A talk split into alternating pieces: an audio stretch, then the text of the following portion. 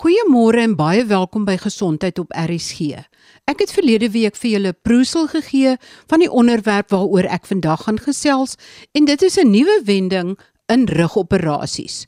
Twee ortopede van die Parel, Dr Reggie King en Dr Sean Venter, het saamgespan om 'n rugoperasie van voor die pasiënt omgedraai en die tweede deel van die operasie van agteraf deur 'n baie spesifieke sleutelgat prosedure gedoen. En ons trek weg met dokter King wat vertel hoekom dit soms nodig is om 'n rugoperasie van voor af te doen en wat gedoen word. Ek dink dit is belangrik om te verstaan dat mense rug is nie aan die agterkant van jou lyf soos tradisioneel gedink word nie. Dit jou rug is in die middel van jou lyf. Ons noem dit 'n retroperitoneale toegang. Wat baie lekker is daarvan is dat jy sodra As jou toegang eers voltooi is, dan is daar geen gevaarlike goed voor jou wanneer jy werk nie. Waar jy as jy soos van tradisioneel van agter af na, na die diskuspasie toe gaan, moet jy verby senuwees werk wat uit die pad uit geskuif moet word en wat potensieel kan seer kry of die pasiënt het soms beenpyn na die tyd oor die oor die senuwees gemanipuleer is. As jy van voor af werk, is daar niks in jou pad nie. So jy kan die hele diskus uithaal en jy kan die diskusspasie dan oplig ook en dan groter implantate tussen die uh, twee wervels inkry om die diskusspasie op te lig en die vormiteite dan reg te maak. En dan omdat jy meer bene aan die voorkant het en die bene in kompressie het, het jy potensieel 'n beter fisiesyfer. Tradisioneel word hierdie anterieure prosedures saam met 'n posterior prosedure gedoen in 'n tweede helfte van die operasie. Ons doen dit dieselfde dag, dis dieselfde narkose. Die pasiënt word net reg geposisioneer gedurende die tweede eh, deel van die operasie. So wat het julle dan anders gedoen as voorheen? Die verskil tussen hierdie prosedure en die tradisionele prosedure is dat waar die die anterieure deel van die operasie is nog dieselfde, maar wanneer ons die pasiënt omdraai, word die skroewe dan perkutaan ingesit deur klein uh, insisies en ons doen 'n endoskopiese dekompressie wat Sean vir ons doen. So dit kombineer my veld van wat operasies wat ek baie doen, die anterieure werk met wat met die wat Sean baie doen, die endoskopiese werk. So ons probeer so die beste van van beide wêrelde vir 'n vir 'n pasiënt gee. Die idee is dat dit 'n baie minder invasiewe uh, operasie is. Die pasiënt verloor baie minder bloed. Ehm um, daar's baie minder weefselskade en dan potensieel baie vinniger herstel na die na die prosedure. sien julle inderdaad dat die pasiënt gouer op die been kom so en aan die gang kom en meer dinge kan doen as met die tradisionele manier. Ons sien dit wel. Ons sal nog na die syfers kyk en die, die navorsing doen ons laat hulle opstaan op dag 2 en hulle kan rondloop. Ons ontslaan hulle na die rehabilitasie hospitaal gewoonlik dag 3 of 4. Eh, hulle kla bitter min van pyn en hulle hulle is net vinnig op die been en kom vinnig aan die gang, ja. Na 'n gewone operasie wat jy op die tradisionele manier van agteraf ingegaan het, hoe lank het dit dan gevat voordat die pasiënt uh, aan die gang is en het hulle meer gekla van pyn? Ons protokol was altyd om om op dag 2 op te staan na die operasie saam met die fisioterapeute en ons mobiliseer die pasiënte. Dit is baie beter om 'n pasiënt vroeg te mobiliseer. Dit het baie minder komplikasies vir die pasiënte. Met die tradisionele prosedure, die die pasiënte het 'n mate van pyn en hulle vat 'n bietjie langer om gesond te raak. Weerens ons ons is besig om te kyk na die syfers, maar dit lyk vir ons wel definitief. Die pasiënte is hulle is definitief gelukkiger met hierdie prosedure. Waar maak julle die snit as julle van vooraf ingaan en hoe lank duur so 'n operasie al twee dele ingesluit? Soos ek sê daar's daar's drie maniere om by by die diskuspasie uit te kom.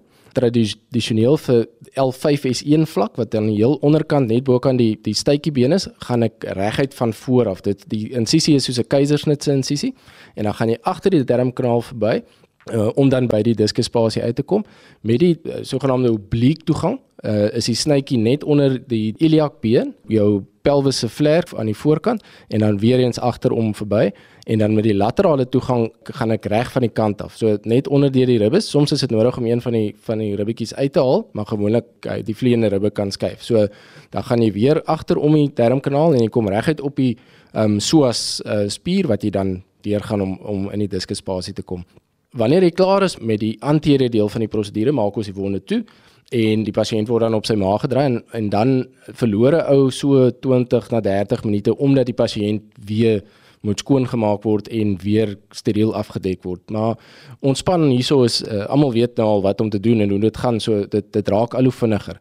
Die gewoonlik die operasies afhangend hoeveel vlakke jy doen, kan dit so as jy een vlak doen is dit omtrent 3 ure, as jy twee vlakke doen 4 ure en as jy drie vlakke doen gewoonlik 5 6 ure. So die operasie, dit vat maar dit vat maar 'n rukkie, maar jy kry 'n baie beter resultaat. Jy kan die formiteite baie beter herstel so. Ehm um, jy kan die pasiënt laat lyk soos toe hy nog 'n jong mens was, sy anatomie wat dan maak dat jy potensieel minder probleme met die kussentjies bokant Eh, die visie het wat in die ou dae daar was net nie die die middele beskikbaar om om die anatomie te herstel nie. Die pasiënt is gelos met 'n deformiteit na die operasie wat dan vir hom probleme maak met die kussentjies boontoe. En dis wat ons sien ongelukkig. Ons sien baie baie uh, pasiënte wat vorige rugoperasies gehad het uh, lank terug wat dan kom met met deformiteite en dan probleme met die kussentjies boontoe. Wat wat 'n ou nou potensieel as ons nou primêr hierdie prosedures doen dan kan 'n ou daai komplikasies vermy So dis baie goeie nuus. Met ander woorde, as iemand 'n eerste operasie gehad het en dit word op hierdie manier gedoen, is die kans dalk 'n raps kleiner vir 'n tweede operasie in die toekoms. Ek dink die literatuur ondersteun ons daar. Weerens ons sal vorentoe sal 'n ou kan dit kan navors en baie goed sien. Ons sien baie pasiënte wat van tevore operasies gehad het en deformiteite het, maar wat ons kan doen nou is om die vorige operasies ongedaan te maak en die deformiteit wat die pasiënt het, kan 'n mens dan herstel. Omdat daar nog nie van tevore van vooraf gewerk het nie, is daar nie vergroeiings en ander probleme om by die wervels uit te kom soos van as jy weer van agter af werk, is dit altyd moeiliker want die daar's vergroeiings en die senuwee sit vas aan die ander weefsel en so wat baie meer komplikasies dan maak. Uh, jou kanse vir senuweebeserings en goed is baie groter. Maar van vooraf, daar was nog nie iemand daar nie, so ou kan dis asof jy 'n primêre operasie doen wat baie handig is. Dokter Venter, vertel vir ons meer van die deel wat jy gedoen het tydens hierdie prosedure. Hi Marie, is lekker om weer met jou te gesels. In terme van hierdie pasiënt, hy het 'n uh, senuweebeklemming agter op die rug gehad en waar dit 'n redelike moeilike area was om uh, by te kom. En ons het dit toe nou met die endoskopiese tegniek waar ons met die kamera gaan kyk het en waar ons die senuwee baie duidelik kon visualiseer. Nou baie interessant met hierdie pasiënt, hy het 'n anatomiese abnormaliteit gehad wat ons eers gesien het terwyl ons geopereer het, uh, waar die senuwee se verloop abnormaal was. Ek dink dit is die waarde van endoskopiese tegniek is dat mens kan dinge sien wat mense nie noodwendig met konvensionele ander uh, endoskopiese tegniek of minimal invasive tegnieke gaan sien nie. Omdat die kamera 30 grade geanguleer is, dan kan jy om hoekies en draadjies sien en en dit maak dit baie waardevol. So in hierdie pasiënt het ons lekker die kompressie gedoen, senuwees losgelaat. Ons kon dit sien, ons kon sien hoe die senuwees pulseer. Aan die einde van dit het ons daai been wat ons gebruik het agter wat ons uitgehaal het het ons weer kon terug inplant agter op die rug. So hy het 'n tweede vang net behalwe vir die spysertjie wat hy voorin het met die beenoorplanting het hy dan beenoorplanting nog steeds agter op die rug saam met die skroewe dan wat ons deur 'n 'n klein uh, snit gemaak het wat ons ingeplaas het. As jy praat van die endoskopiese tegniek van agter af dat dit die biportaal endoskopiese tegniek is, is dit reg? So dit wat die pasiënt gaan sien na die tyd lyk soos 'n enkelsnit, maar dit is 'n biportale tegniek. Want omdat ons die snytjie in 'n in 'n visie maak ons meer op af sodat dit uh, kosmeties net bietjie beter lyk. So die kamera kom van bo af in en dan die instrumente werk van onder af. En dis belangrik om 'n uh, onderskeid te tref tussen biportaal en uniportaal want uniportaal werk jy deur die kamera en dit wat voor jou is is wat jy kan werk. Jy kan nie teen 'n hoek werk nie. Dit maak dat jou areas wat jy kan bykom is bietjie meer tegnies, is bietjie moeiliker en is dalk uh, op 'n mate wat daar onbereikbare areas is. Ek moet sê ek het al albei tegnieke gebruik. So ek is bekend met albei tegnieke. En dit is asof die biportaal net geen limiet het van wat jy kan bereik en wat jy kan doen nie. En hierdie is net weer eens 'n bewys dat as jy innoverend dink dan gaan jy 'n nuwe tegniek, 'n nuwe manier van doen kry. En ek het tot dusver nog net prys gekry van uh, my internasionale kollegas nadat ons met hulle gedeel het oor hierdie tegniek. Nou in, in Maart dan gaan ek nou Frankryk toe en ek gaan daarso bietjie met hulle bespreek oor ons visie tegnieke wat ons hierso in Suid-Afrika doen. Ek gesels nou verder met Dr Reggie King en Dr Shaun Venter, ortopede verbonde aan die Spine Center in die Parel.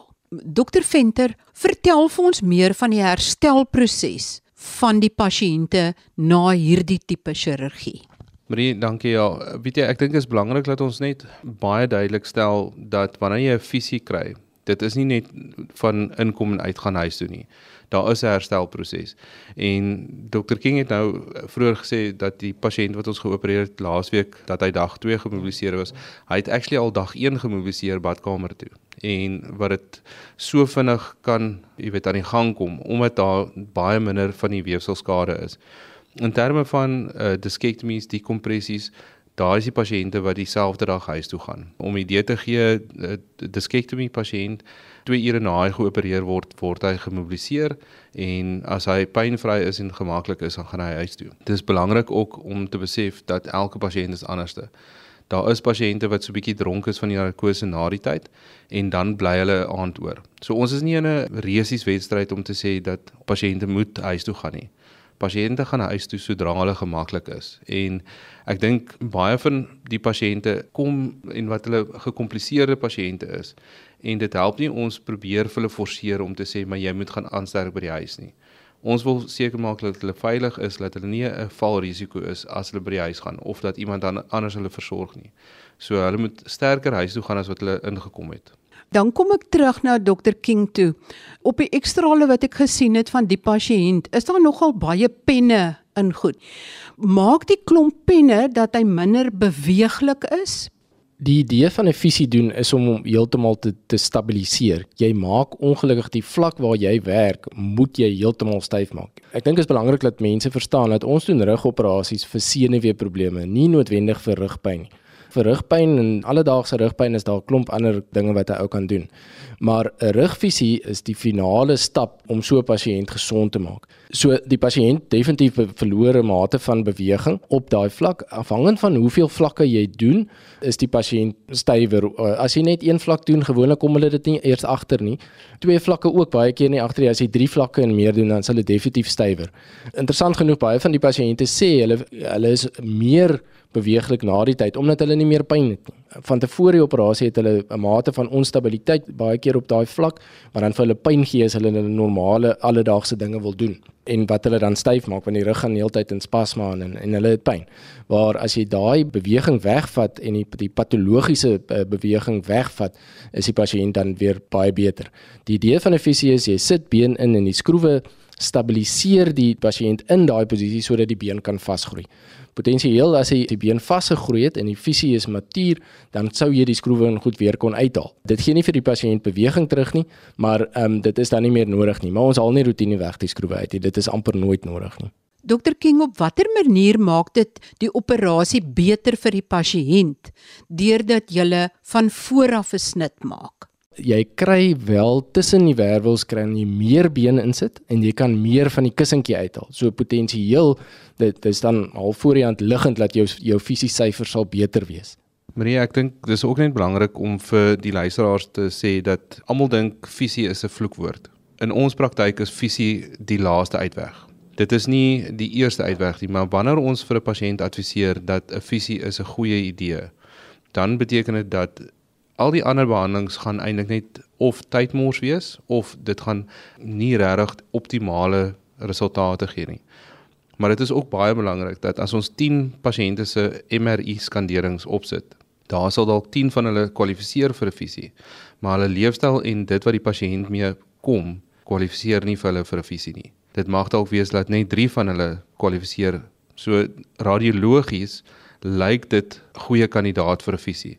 Maar wanneer jy die pasiënt sien in persoon en wanneer hulle verduidelik wat hulle pynvlakke is, dan is dit nie noodwendig wat hulle 'n uh, 'n kandidaat is vir 'n visie nie. Dan kan mens met ander tegnieke net so goeie uitkomste vir hulle uh, genereer. Ja, ek wil by Sean aansluit. Ek dink daar's 'n mate van stigma betrokke met rugoperasies of rugprobleme as reël. En ek dink dit dit is maar omdat die uitkomste van die behandeling in die ou dae was nie baie goed nie. So almal ken iemand wat nie baie goed doen nie. Die prognose van rugprobleme is eintlik baie goed. van al die pasiënte wat ons sien en hulle kom met ernstige probleme hier na ons toe, is gewoonlik wel is pasiënte wat verwys word hier hiernatoe. En selfs van daai geselekteerde groep uh, pasiënte opereer ons omtrent 10% van hulle. Die res van die pasiënte kan jy met konservatiewe behandeling beter maak en hulle doen baie goed. Hulle gaan weer terug na normale funksie toe. So die pasiënt wat 'n visie kry is 'n pasiënt met baie spesifieke indikasies waar konservatiewe behandeling gedoen is en dit nie gewerk is nie. So dis gewoonlik vandat ons jou die eerste keer sien en jy die verskillende behandelingsmodules deurgaan voordat ons jou vir jou fisiese aanbied sal gewoonlik omtrent 6 maande wees eers. Laat ons kyk of jy nie kan beter raak nie. Jy sien soms pasiënte wat jy weet dit gaan nie goed gaan nie en dan is dit wreed om 'n pasiënt deur al daai stappe te laat gaan. So hulle word dan redelik vroeër gedoen, maar oor die algemeen, so ek sê, rugprobleme het 'n baie goeie prognose. Meeste mense kom kom van self reg. Dr King, jy doen baie operasies op groot defekte van die voorkant af. Wat is die meeste fisies wat mens kan doen om byvoorbeeld iemand wat gebore word met 'n vreeslike krom rug, weet ek, erge deformiteit. Kan mens dit regtig reguit maak en is dit belangrik om dit vroeër te doen of eers later? Ek doen volwasse deformiteit uh, chirurgie.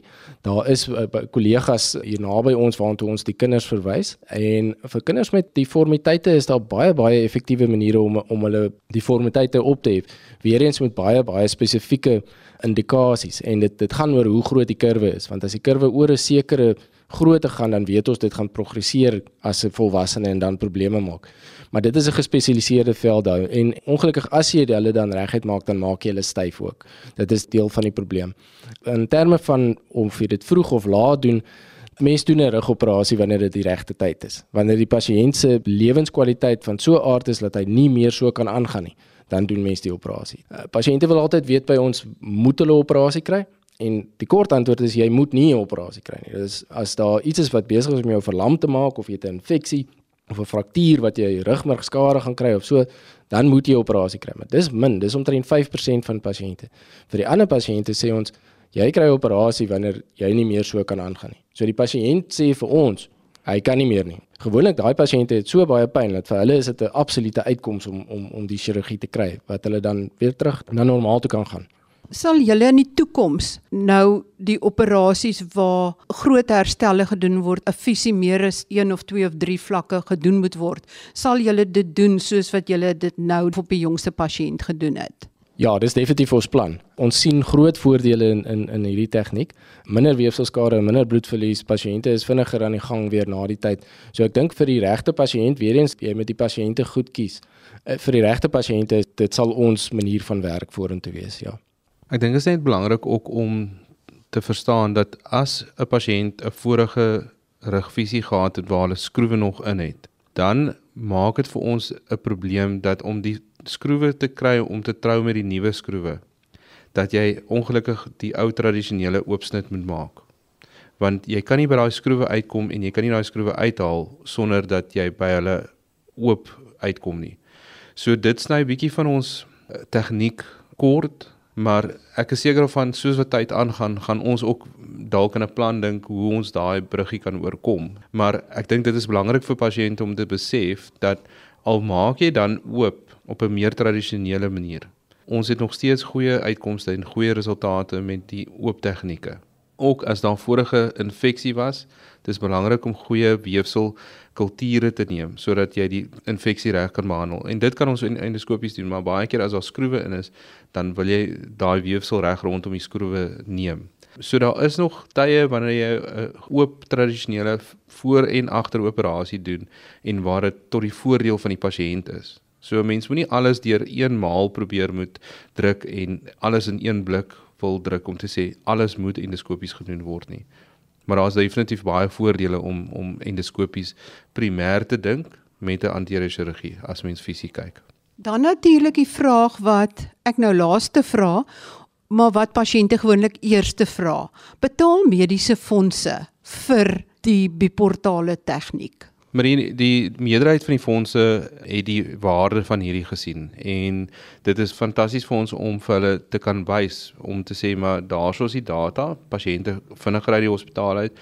Dis goedkoper vir die fonds self om hierdie tegnieke te ondersteun. Maar daar is ongelukkige paar van die fondse wat nog moeilik is en waar hulle net volstrek sê ons betaal vir geen endoskopiese uh, tegniek nie. Dit is 'n jammerte. Dit sal soos wat tyd aangaan, hoop ons en uh, vertrou ons dat hierdie fondse uh, beter gaan insig hê en dat ons die meerderheid van Suid-Afrikaners kan diens in die beste moontlike manier. Mense wil graag dat al hoe meer ortopediese chirurge die biportale endoskopiese tegniek aanleer en toepas. Marie, dis interessant jy vra. Ek het net die naweek het ek 'n uh, 'n boodskap gekry van 'n kollega wat nou net 'n fellowship klaar gemaak het of besig is om klaar te maak en waar hy baie graag die endoskopiese tegniek wil wil kom leer. So ja, ons kry die navraag. Ek dink dit gaan baie meer van die jonger ouens wees. Jy weet, ons het uh, van ons meer gevestigde chirurge wat baie geïnteresseerd is in die tegniek en wat al kom kyk het, maar ek dink daar is nog die vrees van die groot leerkurwe wat mense moet deurgaan. Maar ons is ook proaktief besig om te kyk om werksklasse of kursusse aan te bied. Marie, as ons kyk na my eie leerkurwe en na my eie journey wat ek nou al gehad het tot dusver. 'n uh, Enkelvlak visie neem my oop 2 ure. Dit is gemiddeld standaard. En toe ek begin het met die tegniek, het dit my omtrent 5 ure gevat. Dit is 'n baie lang tyd en is baie moeilik om dit noodwendig te regverdig vir 'n ou wat druk is op sy tyd. Maar nou op hierdie punt vat 'n uh, endoskopiese visie my presies ewe lank. So nou is daar vir my geen regverdiging meer om te sê dat in 2 ure se tyd doen ek die pasiënte 'n 'n fantastiese operasie beter as met 'n oop tegniek. So vir my is daar nie meer regverdiging maar jy moet deur daai leerkurwe gaan. Daar is 'n tydkoste wat mens betaal as chirurg, maar daai langer onder operasie het geen effek op die pasiënt nie. Dit is 'n belangrike aspek om om ook te verstaan dat jy doen nie die pasiënt skade noodwendig omdat jy bietjie langer vat met jou tegniek nie. Dr King, as jy 'n finale boodskap wil gee aan mense wat nou na die program luister, wat sal dit wees? Ek dink die belangrikste om te verstaan en ons ons sien pasiënte van heine en verre en almal het voorbedagte rade wat se tipe prosedures hulle wil hê maar dit is krities belangrik om die regte patologie in die regte pasiënt op die regte tyd met die regte tegniek te trou. As jy een van daai aspekte verkeerd kry, gaan dit nie goed mee gaan met die pasiënt nie. Al doen jy 'n pragtige operasie, as die indikasie vir die chirurgie nie reg is nie, dan is dit nie reg nie. Dan gaan die pasiënt nie goed doen nie. Die geheim is om verskillende tegnieke te hê en dan die regte ding vir die pasiënt aan te bied volgens wat sy patologie is. Dan gaan dit goed dit maak nie regtig saak koste-effektief in ons wêreld dink ek nie moet geld 'n rol speel in wat wat se tipe chirurgie jy doen nie. En daar is absoluut niks soos om 'n pasiënt op te volg wat ewe skielik pynvry is. Die ou is baie tevrede, hy gaan terug na normaal toe, hy's weer kan met sy kinders speel en alles doen wat hy in die, van tevore gedoen het. Dis baie bevredigend. Ek dink as 'n laaste woord, ons veld van spinaalchirurgie is besig om geweldig vinnig te ontwikkel. So daar gaan nog nuwe goeters gebeur. En ek dink is belangrik jy moet op hoogte bly van wat daar is. Daar's altyd ouens wat ding beter kan doen as jy. En dis goed om om rond te reis en ander ouens te gaan kyk hoe hulle werk en goed by hulle te leer. Daar gaan nog nuwe goed kom en dit gebeur vinnig. Marie, ek dink ek dink dit is baie keer die moeite werd vir 'n pasiënt om om te reis om behandeling te kry. Net soos wat dit is vir ons om te gaan en tegnieke te leer. Die eerste pilaar in ons praktyk is om vir 'n pasiënt eerlike advies te gee, 'n goeie diagnose te gee, want as jy nie die pyn oorsprong kan diagnoseer nie, dan kan jy nie die pasiënt beter maak nie. In terme van die toekoms, ek is super opgewonde as ek kyk na die momentum wat hierdie endoskopiese tegniek internasionaal kry. Waar ek 2 jaar terug was daar enkele chirurge in Frankryk en Italië en Europa wat die tegniek aangeneem het, het ons 'n kongres nou in Maart waar daar 40 sprekers is by die kongres om die tegniek te deel. Daar's 200 inskrywers van dokters wat daar gaan wees.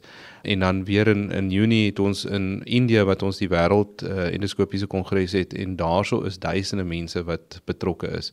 So dit is fantasties om te sien waar die tegniek ontwikkel en by hierdie denkskrim sentrums dan begin mens weer ander ouens se ervarings, ander ouens se tegnieke en wat hulle dalk nie deur die jaar met jou praat of hoor wat jy dit sien nie, dan kom deel hulle hierdie goeters en dan plant dit 'n saadjie vir jou om te sê maar ons kan nou weer so en so maak want dit het 'n brug vir ons makliker gemaak.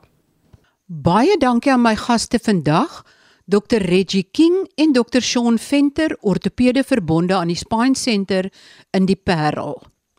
Volgende week gesels ek met 'n pasiënt en 'n kliniese hematoloog oor 'n beenmergoorplanting wat gedoen is op 'n pasiënt wat 'n rare vorm van limfoom gehad het. Tot volgende week dan.